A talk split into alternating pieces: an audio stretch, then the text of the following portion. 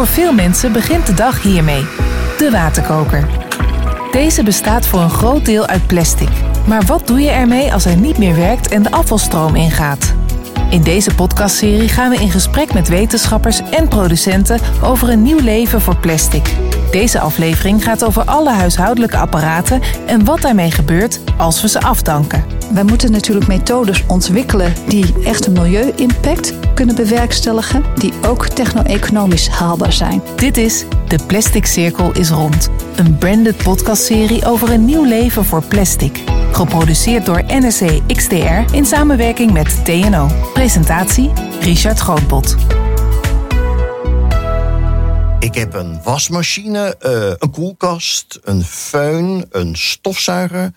Ik heb inmiddels twee koffiezetapparaten, twee computers, een magnetronoven. Nou, dan heb ik ze denk ik nog niet allemaal genoemd. De huishoudelijke apparaten die bij mij thuis staan. Het worden er steeds meer. Onderzoek wijst ook uit dat ik daar niet de enige in ben. En we doen ook nog steeds korter met die apparaten. Dus dan komen er ook nog steeds meer in de wereld. En dan, Esther Zondervan, jij bent onderzoeker bij TNO. We hebben verbinding met je, maar je zit thuis. Um, waar eindigen nu de meeste van die apparaten uh, als ik ze weer wegdoe? Nou, als het goed is, uh, breng je ze weg bij een inleverpunt van de gemeente. Of als een wasmachine bijvoorbeeld bij jou bezorgd wordt, dan wordt deze oude wasmachine weer mee teruggenomen. Uh, maar dan ben je er natuurlijk nog niet, want -hmm. dan wil je ze nog recyclen. En uh, op dit moment zitten vaak veel plastics in de huishoudelijke apparaten. En die kan je op dit moment nog niet eenvoudig mechanisch recyclen. En ook economisch is dat vaak nog niet haalbaar. Oké, okay, nou daar komen we zo op, want er is wel degelijk een, een oplossing in de maak. Lijn Tange, uh, ook onze gast. Je bent directeur van de Polystyrene Loop. Dat is een proeffabriek die piepschuim aan het recyclen is. Daar gaan we het nog over hebben. Um, ik lees dat heel veel uh, oude computers, tv's, wasdrogers... Hè, die moet je dus allemaal netjes inleveren. Esther zegt het net. Maar wat nou als dat verkeerd gaat? Als ze niet goed worden ingeleverd, waar komen ze dan terecht? En dan zijn verschillende eindstations waar ze terecht kunnen komen. Onder andere in Zuidoost-Azië. Maar ze kunnen ook naar Afrika toe. Maar ze kunnen ook in Nederland gewoon in het milieu terechtkomen. En dat is het laatste wat we eigenlijk allemaal willen. Ja, en als ze dan naar Zuidoost-Azië of Afrika toe gaan, wat gebeurt daar dan?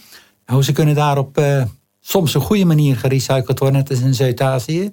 Maar er zijn ook een heleboel plaatsen in Afrika waar ze dus gewoon verbrand worden. Of de plastics worden daar uitgesorteerd en die worden gewoon omgesmolten. En dan kunnen ze in mogelijk in producten terugkomen naar Europa met verboden uh, grondstoffen die we hier niet willen hebben en die hier ook verboden zijn. Wauw, Esther, wat gebeurt er dan als je dat daar zomaar gaat storten? Onze oude waterkokers en magnetronovens en al die spullen. En, en ze worden zomaar gestort. Wat kan er dan gebeuren? Ja, als ze gestocht worden, dan kunnen giftige stoffen die nu in sommige plastics zitten, kunnen naar het milieu weglekken. En ook bij verbranding, wat je lijn hoorde zeggen, komt in ieder geval CO2 komt in de lucht, de uitstoot van CO2, plus ook giftige stoffen kunnen in de lucht terechtkomen. En dat is niet wat je wilt. En ook dus niet dat je wilt dat die, deze plastic die op een niet goede manier gerecycled zijn, weer mm. terugkomen naar Europa. Ja, precies. Ja, dan, dan zeggen ze dus als het ware we hebben het heel goed gerecycled, precies volgens jullie norm, maar het is niet gebeurd. Nee, dat klopt. Dat is de reden waarom TNO samen met een consortium een nieuwe oplosmethode aan ontwikkelen is om deze plastics op een goede manier te recyclen. En dat doen we door een Europees gefinancierd project, Plus to be Cleaned. Ja, Plus to be Cleaned. Um, Esther, kun je me uitleggen, wat doen jullie daarin, in dat project? In dat project zorgen we dat plastics dat wordt opgelost. En waardoor we het polymeer, dus het HIPS en het ABS, kunnen we dan recyclen. En ook uh, de waardevolle toevoegstoffen, zoals bijvoorbeeld de vlamvertragers, waaruit we weer broom terug recyclen. Ja, oké. Okay. Je noemt een heleboel termen, dus dit lijkt me het, het ideale moment om even te luisteren naar wat uitleg van welke termen hier in deze podcast langs kunnen komen. Polymeren zijn ketens van moleculen die steeds opnieuw worden herhaald. Plastics bestaan uit polymeren met toevoegingen die het plastic speciale eigenschappen geeft, zoals bijvoorbeeld vlamvertragers. Een vlamvertrager is een stof die vuur verhindert of de verbreiding van vuur vertraagt. Hierdoor voorkomen vlamvertragers ongevallen bij brand. ABS en HIPS zijn plastics gebaseerd op styreen. ABS wordt bijvoorbeeld gebruikt voor de behuizing van allerlei huishoudelijke apparaten, zoals stofzuigers. Hips wordt bijvoorbeeld gebruikt aan de binnenkant van koelkasten en vriezers. Esther, jij zegt ehm, een oplosmiddel. Dus betekent dat dat je eh, het plastic van mijn oude waterkoker uh, dan gaat oplossen? Hoe doe je dat? Dat brengen we in een oplosmiddel. En dan uh, lost het polymeer, dus het HIPS of het ABS, dat lost op. En dan gaan we de toevoegstoffen kunnen dan scheiden door bepaalde absorptietechnieken of filtreertechnieken. En op deze manier kunnen we dus de vlamvertragers recyclen, andere waardevolle toevoegstoffen en het polymeer recyclen. En ook het oplosmiddel hergebruiken wij weer. Ja, het klinkt als een ideale methode. Dat is ook een ideale methode. En op dit moment zijn we op labschaal deze methode aan ontwikkelen. En dat gaat al vrij goed. En de uitdaging is natuurlijk om hem daarna op te schalen. Lijn, uh, jij bent directeur van een fabriek waar piepschuim ongeveer op deze manier al wordt gescheiden, toch? Dat klopt. Ja, we zijn vijf jaar geleden uh, hebben we het initiatief genomen samen met Jan Noordegraaf um, om een uh, fabriek, demonstratiefabriek te bouwen. En het verschil met uh, de activiteiten die TNO nu doet. Wij zijn dan vijf jaar verder met de uitkomst van het project wat zij doet voor de waterkoker.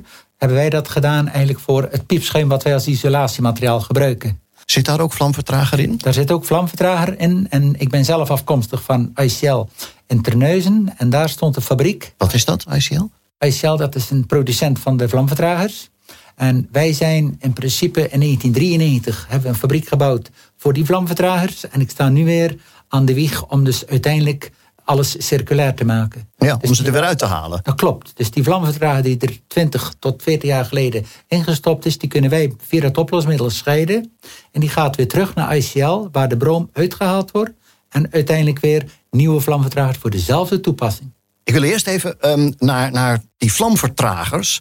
We zien ze nu alleen maar als uh, ja, een soort probleem. En ze zijn eigenlijk ook een oplossing, zat ik me te realiseren.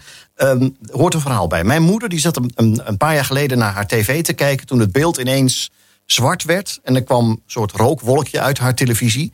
Toen heeft ze alle stekkers eruit getrokken. Uh, dat ding dat werd een beetje warm. Ze heeft ze de overwanten aangetrokken... en dat ding op haar rollator 690, hè, op haar rollator gezet. En die tv met rollator en al naar buiten gerold de gang op en daar met de wandelstok zo die tv in duw gegeven... zodat hij op de straatstenen terecht uh, kwam. Daar was hij veilig. Um, het is eigenlijk geen goed idee wat mijn moeder gedaan heeft. Je kunt veel beter een blusdeken pakken en de brandweer bellen. Maar ik zat me te realiseren, Esther... eigenlijk is mijn moeder een beetje gered door die vlamvertragers, toch? Ja, zeker. Die vlamvertragers zorgen dat het plastic niet gelijk helemaal in brand uh, vliegt. Want je moet denken dat in zo'n tv zit ongeveer een 4 kilogram plastics. En dat kan je vergelijken met een ongeveer 4 liter benzine. En uh, zoals we allemaal weten is 4 liter benzine erg brandbaar. En wow. dan kan je zomaar een huis mee in de brand uh, steken. Dus het is heel belangrijk dat die vlamvertragers gebruikt worden. Ja, vlamvertragers hebben het leven van mijn moeder gered. Zeker, ja, ja zeker. En, en die zitten dus ook in heel veel andere toepassingen... Uh, zoals in die waterkoker. Hè? Eigenlijk alles wat een beetje warm kan worden, toch, Leen? Dat klopt, ja. Het is, uh, er is wetgeving wat, uh, waar elektrische apparatuur in feite aan moet voldoen. En één daarvan is, het moet brandveilig zijn. En in het verleden zijn er vlamvertragers gedurende 20, 30, 40 jaar gebruikt... die nu, na 40 jaar, wel verboden zijn. En dat is het probleem eigenlijk voor het recycling. Daarnaast zijn er van de nieuwe vlamvertragers... zijn er nieuwe technologieën en dan zijn ze, dan, dan zijn ze eigenlijk als additief niet meer, of toevoeging niet meer aanwezig in het plastic, maar reageren ze weg. Ook zijn nieuwe uh, vlamvertragers in de vorm van een kunststof. Dus ja. er zijn heel veel ontwikkelingen in ja. nieuwe technologieën van vlamvertragers. Ja. Die volledig veilig zijn. Maar Esther, misschien wel het grootste probleem zijn dan die hele oude dingen, zeg maar. Want daar wil je die oude materialen, die oude vlamvertragers, het liefste zo schoon mogelijk uit kunnen halen, toch? Ja, dat klopt. En daarom hebben we dus ook deze oplossingstechnologie ontwikkeld als zijnde TNO met, samen met de partners. Om uh, die oude vlamvertragers die dus niet meer mogen gebruikt worden, om die ook te kunnen verwijderen. En op een mooie manier weer de polymeren en het broom terug te kunnen winden. Zodat we ook weer deze stoffen kunnen hergebruiken. Nu zijn jullie het eigenlijk aan het oplossen, hè? het probleem. Letterlijk. Ja, letterlijk inderdaad. Ja. Heeft de industrie die het gemaakt heeft, heeft die daar ook een rol in? Ja, dat uh, zeker. En wij doen het niet met z'n tweeën, dit oplossen. Want dit doen we met de hele waardeketen. En dat is een waardeketen die start bij de producent. Van het polymeer, maar ook van de vlamvertragers. Uh, van daaruit de, de plastics die worden gemaakt. Daarna worden ze gebruikt in producten. Dan krijg je de gebruikersfase. Het wordt afgedankt, het wordt gesorteerd en vervolgens weer gerecycled. En deze waardeketen die moet helemaal aan elkaar geknoopt worden. Dat is heel belangrijk. En de industrie heeft daar natuurlijk een rol in. En wij denken ook dat daar de overheid een rol in zou moeten spelen. Om ervoor te zorgen dat die waardeketen met elkaar samen kan werken. Juist. Ja, ja. Dus jullie hebben iedereen aan tafel gekregen om samen dit probleem op te lossen. Dat is correct. Ja, wij hebben zowel de producenten van de kunststoffen als de producenten van de, de vlamvertragers, de recyclers en in feite ook de, de hele waardeketen om later ook het recyclaat weer terug te kunnen afzetten. Mhm. dus dat is erg belangrijk. Ook de inzameling zijn leden bij de coöperatie. En ook zoiets moet je in de toekomst voor het, uh, het oplosproces wat TNO ontwikkelt, waar ook recyclers bij betrokken zijn, die zijn in feite het hart van de inzameling. Juist.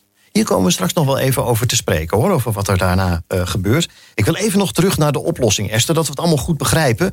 Um, dus als ik jou een stukje van mijn waterkoker geef, het plastic stukje, dan heb jij een oplosmiddel waar die in kan. Dan hebben wij een, een ja, als, als het ware moet je bedenken, daar zit een groot vat. En daar doen we een oplosmiddel in. En daarin brengen we dan het plastic van jouw waterkoker. Dat maken we dan eerst in kleine stukjes. En dan lost het plastic op. En bepaalde stoffen lossen niet zo goed op. En op die manier kunnen we het dan gaan scheiden. Ja, en jij bent nu op labschaal bezig. Uiteindelijk wil je, neem ik aan, graag dat Lijn ook daaromheen een grote fabriek gaat bouwen. Dat hij niet alleen piepschuim, maar ook alle andere soorten plastic... Hè, die je net noemde, ABS en HIPS, uh, op die manier gaat scheiden, toch? Ja, zeker, dat willen wij. Want nu zitten we op 100 gram schaal. Dus dat is nog echt laboratoriumschaal. En dat moet nog veel meer opgeschaald worden. En dat is juist de reden waarom ik zo blij ben dat de lijn bij dit project eh, zit. Ja, ja, ik dacht lijn vooraf van. Nou, als je dan een methode hebt, dan begin je gewoon. Je zet gewoon een fabriek neer en je ziet wel waar het schip strandt. Maar ja, ik snap nou, dat kan dus eigenlijk niet. Want je hebt die fabrikanten ook nodig. Jij moet je spullen ook weer kunnen afzetten, toch? Ja, het duurt jaren om dus op te schalen van een project van R&D-schaal, dus het niveau van TNO. Eh, heb je eerst nog een tussenstation, dat is demonstratieschaal, waar je dus werkelijk mee duizenden tonnen of 500 ton materiaal vanuit de, uh, in Nederland van uh, recyclers binnenhaalt, om dan praktische proeven te doen. En dan moet je nog opschalen naar een full skill. Dus een werkelijk een schaal van 5000 tot 10.000 ton. Mhm. En je moet beseffen dat dus grote fabrikanten zoals een Sabic, als die dus ABS moeten maken, dat doen ze in fabrieken van 2, 3, 400.000 ton. Wauw. Dus recyclen, dat is nog erg kleine schaal. Ja, inderdaad. Dus we staan in de kinderschool. En dat hele proces wat je net beschreef, over hoeveel jaren heb je het dan? Uh, vijf tot tien jaar. Ja, heel belangrijk is daarbij natuurlijk dat wij, het publiek, hè, wij hebben al die oude dingen nog in huis en dat we ze op een juiste manier inleveren en dat we ons dat realiseren. Um, ik ben even de straat op gegaan om aan mensen te vragen hoe zij denken over dat recyclen van huishoudelijke apparaten. Laten we even luisteren. Ja, wat doe je met de huishoudelijke apparaten die je afdankt? Grof vuil, want ja, volgens mij is dat als dat eenmaal kapot is, dan is het gewoon kapot, zeg maar probeer altijd nog eens te kijken of ik ze misschien toch niet kan repareren. Ja, wie heeft er iets aan een kapotte stofzuiger? Uh, ik denk dat ze voor een klein gedeelte te recyclen zijn, maar uh, lang niet alles. Ik denk dat het erg tegenvalt, het percentage wat er uh, te recyclen is. Ja, van de apparatuur die ik ken, ja, het plastic kan je omsmelten. Nou ja, ik neem aan dat er sowieso wel onderdelen uit te recyclen zijn. Ik denk dat er vast wel wat bruikbaars in zit. Maar ik denk dat de arbeid die erin moet stoppen om dat uit elkaar te halen, dat dat niet opweegt tegen alles wat je eruit uh, wat er te halen valt. Ik vind het wel lastig inschatten hoe zo'n ding als geheel, nou, hoeveel ervan te recyclen is. Uh, wat met plastic gebeurt, weet ik niet. Ik denk de elektronica wordt wel ontmanteld volgens mij. Hè? Alles wat er, in, wat er aan draden in zit en, uh, en dat soort zaken. En uh, ja, dat plastic, dat weet ik eigenlijk niet. Of dat wat te recyclen is. Uh. Wat wij denken dat ermee gebeurt. nou, ik ben bang dat ze heel veel getransporteerd worden naar landen waar wij ze niet willen zien eigenlijk. ja, ik denk dat dat plat geperst wordt. Zoals klein vel dat het allemaal wordt. En dan op een grote hoop geflikkerd wordt of zo. Als ik het bij het grof vel ben, dan, dan is het daar en dan is het voor mij klaar, zeg maar. Er nooit over nagedacht. Uh, of de overheid de recycling moet afdwingen. Ja, het zou mooi zijn als ze dat kunnen doen, maar ik weet niet of dat gaat lukken. Je moet eigenlijk beginnen met het afdwingen dat ze de apparaten dus dadelijk moeten ontwerpen dat het recyclebaar is. Esther, dat laatste lijkt me een heel goede opmerking. Hè? Dat je dingen zo maakt dat het gemakkelijk te recyclen is. Um, is dat ook iets wat jullie bespreken in Plans to be Cleaned? Uh, Jazeker, wij ontwikkelen natuurlijk een nieuwe recyclingsmethode. En als wij zien dat bepaalde plastics of bepaalde toevoegstoffen niet goed te recyclen zijn, dan uh, gaan wij aanbevelingen doen om deze stoffen dan ook niet te gebruiken. En TNO vindt sowieso dat er circulair ontwerp toegepast moet worden. Uh, waardoor je dus ook producten beter kan recyclen. En dat zou dus ook kunnen betekenen dat we naar minder verschillende soorten plastics uh, toe moeten. Zodat we ook grotere stromen krijgen om te recyclen. Oh, dat is wat Lijn net zei. Hè? Dat je een, schaalvergroting hebt en niet een klein fabriekje die telkens allerlei uh, verschillende soorten kunststof in heel kleine hoeveelheden moet recyclen. Ja, op deze manier krijgen we dus ook een betere business case als we grotere hoeveelheden hebben die we kunnen recyclen. Ja, want daar had ik ook nog een vraag over. Een van die mensen die zei van ja, weegt de arbeid van het recyclen nou wel op tegen alle moeite en de opbrengsten? Ja, wat zou je tegen die, uh, tegen die jongen willen zeggen? Uh, ja, zeker. En, dat, en wij moeten natuurlijk methodes ontwikkelen die echt een milieu-impact bewerkstelligen. En die ook techno-economisch haalbaar zijn. Dus daar doen we al vanaf de start van het project berekeningen aan. En dat zijn eerste instantie grofberekeningen. En die worden steeds meer gedetailleerd uitgevoerd. Maar deze eerste grofberekeningen laten al zien dat be cleaned, de methode die we daar ontwikkelen, dat die een grote milieu-impact uh, heeft. Dus waar we milieuwinst kunnen behalen. En dat die ook economisch haalbaar kan zijn. Lijn? Gedeeltelijk mee eens. Um, voor de waterkoker en voor televisies enzovoort is dat allemaal waar. Maar we hebben ook apparaten zoals een laptop, uh, je mobiele telefoon, waar relatief weinig uh, plastics aan zitten. Of heel veel verschillende typen plastics. En die zijn een stuk moeilijker te recycleren. Dus televisies die worden niet echt ontworpen voor recycling, maar dat ze op deze manier eruit zien keuze eh, recycleren. Maar het hangt echt af van het soort um, apparaat, of het goed recycleerbaar is of niet. Ja. Nu hebben we eerder in deze serie wel eens vastgesteld, uh, als je recycelt, dan uh, moet je eigenlijk uh, voortdurend met die grondstoffen die je dan weer gaat aanbieden aan de markt, moet je op de een of andere manier concurreren toch met olie waar nu uh, veel plastic uitgemaakt wordt. Hoe doe je dat nou? Dat klopt. Op dit moment is de, de markt erg ongunstig voor recyclage, omdat dus de olieprijs 48 dollar is. Terwijl die ook wel, ja, en die is ook wel eens 120 dollar geweest. Hm. Dus dat betekent, als je als industrie, als een recycler in feite een stabiele markt wil hebben, en dan zul je dus eigenlijk ook een stabiele prijs terug moeten hebben. En als je de helft van de tijd verlies maakt en de andere tijd wat winst maakt, dan is dat niet interessant. Dus je zult dus ook een systeem moeten hebben, ook van de overheid op de een of andere manier, dat je dus een constante prijs voor je materiaal wat je afzet uh, kunt krijgen. Ja, en, Esther, hoe kun je dat doen? Ja, TNO uh, ziet het zo dat we toe moeten naar een echte beprijzing van producten. En dat betekent dat we de milieuschade mee beprijzen in de producten. En op die manier zie je dus dat duurzame producten goedkoper worden dan niet duurzame producten. En op deze manier kunnen dus ook consumenten goed voorlichten, zodat zij ook de juiste keuzes kunnen maken voor de duurzame producten. Ja, uh, Esther, de, de, de oplossing voor plastic in huishoudelijke apparaten, die zit wat jou betreft in, in het oplossen ervan. Hè?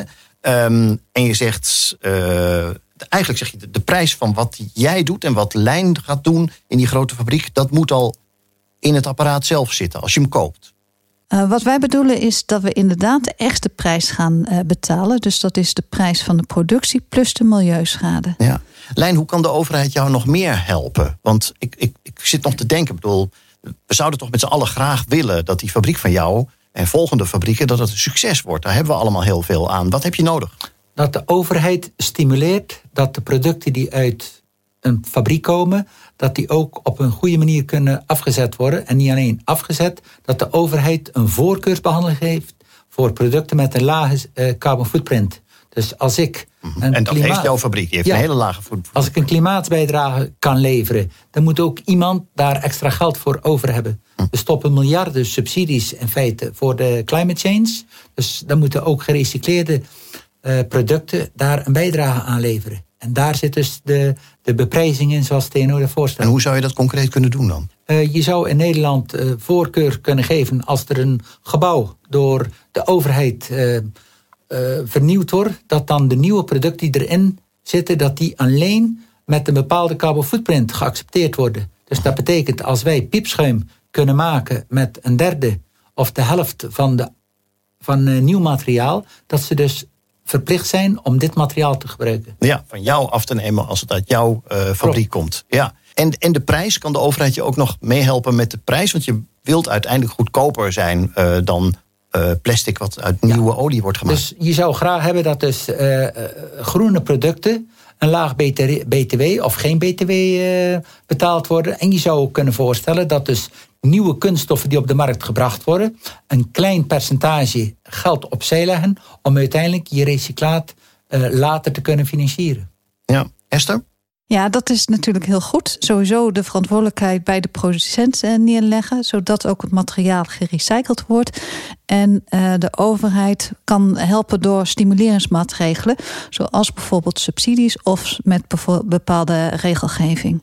Sowieso, uh, Lijn. Bij het opzetten van die fabriek, kreeg je nou een soort van voorkeursbehandeling bij uh, grote instituties, bij verzekeraars, bij de overheid? Hoe ging dat? Um, we hebben positieve ervaringen en wat minder positieve. Uh, we hebben veel steun gehad van de Europese Commissie in de vorm van subsidies. We hebben ook regionaal hebben 1 miljoen euro subsidie gekregen van de provincie Zeeland. Dus we krijgen zeker daar hulp. Alleen of het voldoende is, dat is uh, vaak in grote projecten moeilijk uh, te zien. Ik voel hem maar aankomen. Ja, er zijn ook tegenslagen.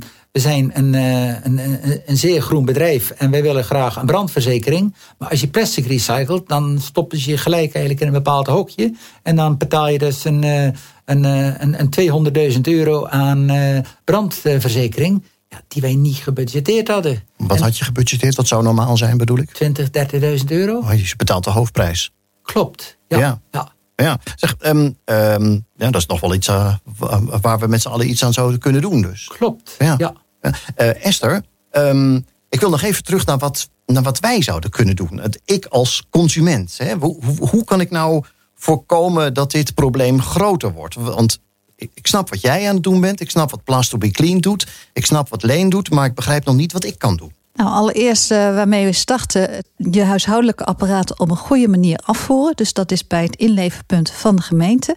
En niet in de kliko en ook niet in het plastic, metaal en drankkartonnen afval. Mm -hmm. En wat je natuurlijk als consument kan doen, is zelf kiezen voor duurzame producten. Want er zijn al producten op de markt waar gerecycled materiaal in gebruikt wordt. En door juist bij de verkoper te vragen om dit soort producten, creëren we als consument ook een vraag hiernaar. Ja, helder. Dank jullie wel. Esther Zondervan van TNO en Lijn Tangen van Polystyrene Loop. Dit was De Plastic Cirkel is rond. Een branded podcastserie over een nieuw leven voor plastic. Geproduceerd door NRC XDR in samenwerking met TNO. Naar aanleiding van de recent verschenen paper Verspil het niet over de aanpak van de schaduwzijde van plastics. Ga voor meer informatie naar nrc.nl/slash brandedcontent/tno.